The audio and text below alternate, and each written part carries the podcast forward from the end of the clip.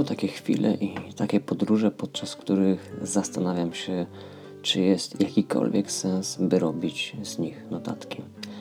Dzieje się tak, zwłaszcza wtedy, gdy wszystko nie dość, że idzie jak po grudzie, to jeszcze zdaje się być totalnie bez sensu. Tak jest właśnie teraz.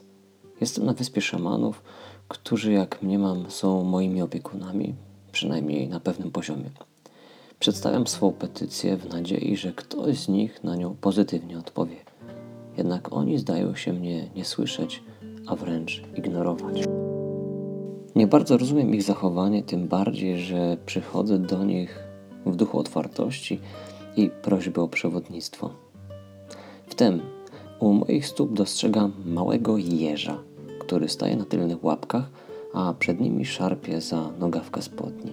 Mówi do mnie, że dziś to on zabierze mnie w pewne miejsce i pokaże coś. Nie ignoruję go. Co więcej, skupiam teraz na nim całą swoją uwagę, będąc niezmiernie wdzięcznym za jego postawę, otwartość i chęć działania. Jeż nagle zaczyna pęcznieć, kilkukrotnie zwiększa swe rozmiary, puchnie niczym balon napełniony helem. Jest teraz większy ode mnie, zaczyna się wznosić do góry. Łapiemy się i po chwili razem unosimy się już w powietrzu. Nasza prędkość wznoszenia wzrasta z minuty na minutę. Jesteśmy wyżej i wyżej. Przebijamy pierzaste obłoki zawieszone w morzu błękitnego nieba. Dostrzegam humbaki lecące gdzieś pod nami. Po chwili błękit zmienia się w atramentowy granat, a my na powrót przyjmujemy swe naturalne rozmiary. Z tym, że jesteśmy teraz w miejscu, gdzie jest noc. Z zarośli gigantycznej trawy obserwujemy czyste, rozgwieżdżone niebo. Zastanawiam się, po co tu jesteśmy i czy ta podróż ma jakiś głębszy wymiar, czy sama w sobie stanowi już wielowymiarowy obraz do przemyśleń i wysnucia odpowiednich wniosków. Siedzimy w tych zaroślach przez dłuższą chwilę. Oglądamy coś dziwnego, zjawisko, a raczej zdarzenie, które wydaje mi się tak niedorzeczne, że ignoruję je, wypieram, wymazuję i czekam na to, co po nim się wydarzy, po co tak naprawdę tu przybyliśmy.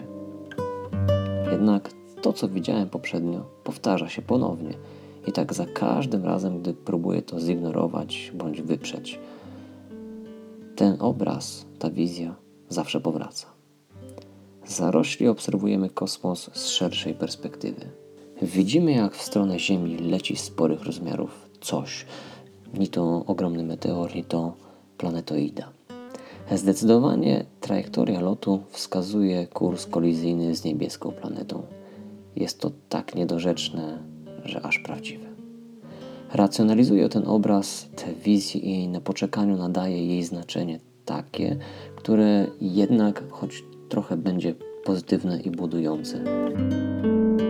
Postanawiam nie skupiać się na tym niedorzecznym zagrożeniu lecącym ze strony kosmosu.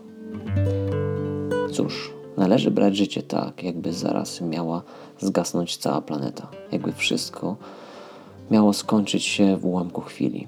Żyć tak, by zawsze być przygotowanym na ostateczne rozdanie, tak jakby jutro miało nie być.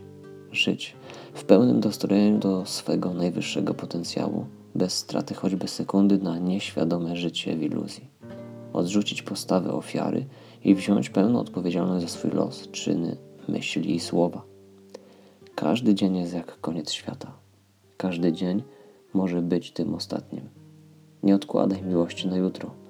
Wypełnij swe serce miłością właśnie teraz. W miłości jest życie. Życie jest miłością.